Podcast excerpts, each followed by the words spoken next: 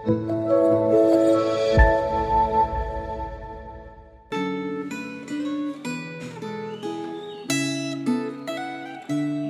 saudaraku, hari ini kita akan bersama-sama kembali merenungkan kebenaran firman Tuhan dengan tema Mujur belum tentu saleh. Mari kita berdoa. Bapa kami yang ada dalam kerajaan surga, kami pada hari ini akan bersama-sama kembali belajar akan kebenaran firman Tuhan. Kami akan lanjutkan kisah kitab Ayub dari pasal 21. Mohon pimpinan kuasa Roh Kudus yang menuntun kami, memberikan kami hikmat bijaksana. Dalam nama Tuhan kami Yesus Kristus, Allah yang hidup, kami sudah berdoa. Amin. Mari kita membuka bagian kebenaran firman Tuhan dari kitab Ayub pasal 21 ayat yang pertama sampai dengan ayat yang ke-6. Demikianlah bunyi firman Tuhan. Tetapi Ayub menjawab, dengarkanlah baik-baik perkataanku dan biarlah itu menjadi penghiburanmu. Bersabarlah dengan aku, aku akan berbicara Sehabis bicaraku, bolehlah kamu mengejek. Kepada manusiakah keluhanku tertuju? Mengapa aku tidak boleh kesal hati? Berpanilah kepadaku, maka kamu akan tercegang. Dan menutup mulutmu dengan tangan. Karena aku memikirkannya, aku menjadi takut. Dan gemetarlah tubuhku. Saudaraku yang terkasih dalam Yesus Kristus, teman-teman Ayub adalah sahabat-sahabat yang datang kepada Ayub ketika dia sudah mengetahui Ayub mengalami penderitaan oleh karena keterhilangan anak-anak, ditinggalkan istri, harta benda habis ludes dimakan oleh api dan binatang-binatang peliharaannya pun juga sudah tidak dia miliki saudara. Dan bukan cuma itu, Ayub pun juga mengalami penderitaan di dalam tubuhnya, sakit penyakit sehingga teman-temannya yang seharusnya datang untuk bersimpati, untuk berempati terhadap pergumulan-pergumulan Ayub. Tetapi apa yang terjadi saudaraku? Yang terjadi bukanlah sikap empati dan simpati yang dia tunjukkan kepada Ayub. Melalui pemaparan tentang kuasa Allah, kebenaran Allah. Teman-teman Ayub menggiring Ayub untuk mengaku segala pelanggaran dan dosa-dosa yang dilakukan oleh Ayub. Karena konsep pemikiran teman-teman Ayub adalah teologi distribusi, di mana ketika engkau melakukan kebenaran, engkau hidup kudus di hadapan Allah, maka hidupmu pun juga akan diberkati, disertai Tuhan. Tetapi jikalau hidupmu jatuh dalam dosa, maka engkau akan mendapatkan penghukuman dari Allah akibat dari dosa-dosa yang engkau lakukan. Dan akibat karena keberdosaanmu itulah yang membuat engkau akhirnya mengalami penderitaan.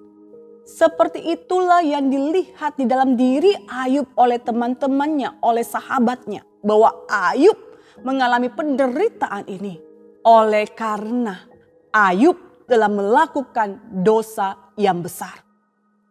Sehingga di tengah-tengah pergumulan Ayub pada saat itu, apa yang dilakukan oleh Ayub? Bagaimana Ayub menyikapi argumen-argumen, pernyataan-pernyataan dari sahabat-sahabatnya yang seolah-olah menggiring Ayub untuk mengakui kesalahan, kelemahan, dan keberdosaannya. Saudara, jikalau kita berada dalam posisi Ayub, kita yang ditimpa oleh masalah, kita yang ditimpa oleh penderitaan, teman-teman sahabat-sahabat kita datang kepada kepada kita. Dan dia mencoba memberikan penghiburan tetapi dalam penghiburan yang dilakukan dia mengiring kepada satu pernyataan bahwa apa yang terjadi di dalam kehidupan penderitaan yang kita alami itu diakibatkan oleh karena dosa. Saudara, Ayub di dalam pasal 21 ini memberikan pemaparan, memberikan argumen-argumen yang jelas bahwa orang mujur, orang yang selalu merasa diberkati, hidupnya belum tentu saleh Orang yang mengalami penderitaan seperti dirinya sendiri belum tentu juga diakibatkan oleh karena keberdosaan. Ayub menyampaikan pemaparan bukan berarti dia sedang membela dirinya. Tetapi Ayub memberikan pemaparan untuk membuka pikiran dari teman-temannya.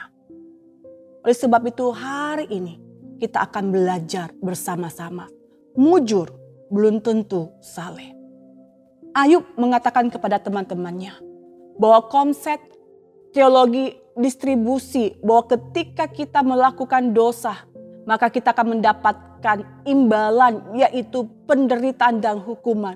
Sedangkan orang-orang yang hidup di dalam ketaatan, hidup di dalam kebenaran, mereka akan disertai oleh Ayub. Mereka akan disertai oleh Tuhan. Ayub mau menyingkapkan semuanya itu. Ayub melihat dan memandang di dalam ayat yang ketujuh sampai dengan ayat yang ke-15 Ayub berkata di dalam pas ayat yang ketujuh, mengapa orang fasik tetap hidup menjadi tua, bahkan menjadi bertambah-tambah kuat.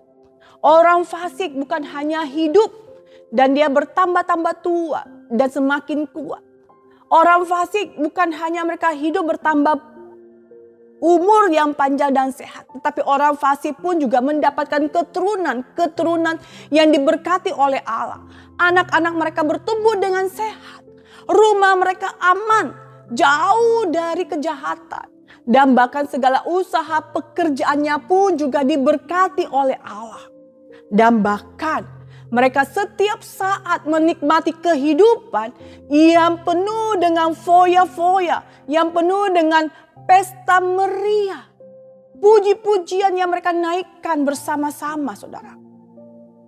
Tetapi apa yang dikatakan oleh Ayub di dalam pasal yang ke-14 dan yang ke-15. Orang-orang fasik memang kelihatan hidupnya mujur. Orang-orang fasik kelihatan hidupnya diberkati. Tetapi sejujurnya orang-orang fasik itu itu menjauh dari Allah. Mereka tidak mau mengikuti jalan-jalan Allah yang direncanakan Allah dalam kehidupan mereka. Orang-orang fasik menghidupi kehidupan mereka sesuai dengan kehendak pribadi mereka. Dan orang-orang fasik pun juga akhirnya akan mengalami kebinasaan. Mereka akan mengakhiri hidupnya di dalam kematian saudara. Jadi belum tentu orang yang mujur, orang yang seolah-olah diberkati, orang-orang fasik itu seolah-olah diberkati, hidupnya saleh. Tidak saudara. Mereka jauh dari Allah. Mereka meninggalkan Allah dan mereka tidak mau mengikuti Allah. Sedangkan orang yang mengikuti Allah ketika Tuhan izinkan mengalami penderitaan. Ayub melihat ada kedolatan Allah yang sempurna. Ada keadilan Allah yang sempurna di dalam kehidupan orang-orang yang percaya kepada Allah. Walaupun dalam penderitaan yang dialami sekalipun. Penderitaan belum tentu itu akibat karena dosa. Penderitaan bisa terjadi oleh karena Tuhan mengizinkan terjadi dalam kehidupan kita. Untuk kita melihat kepada kedaulatan Allah yang sempurna.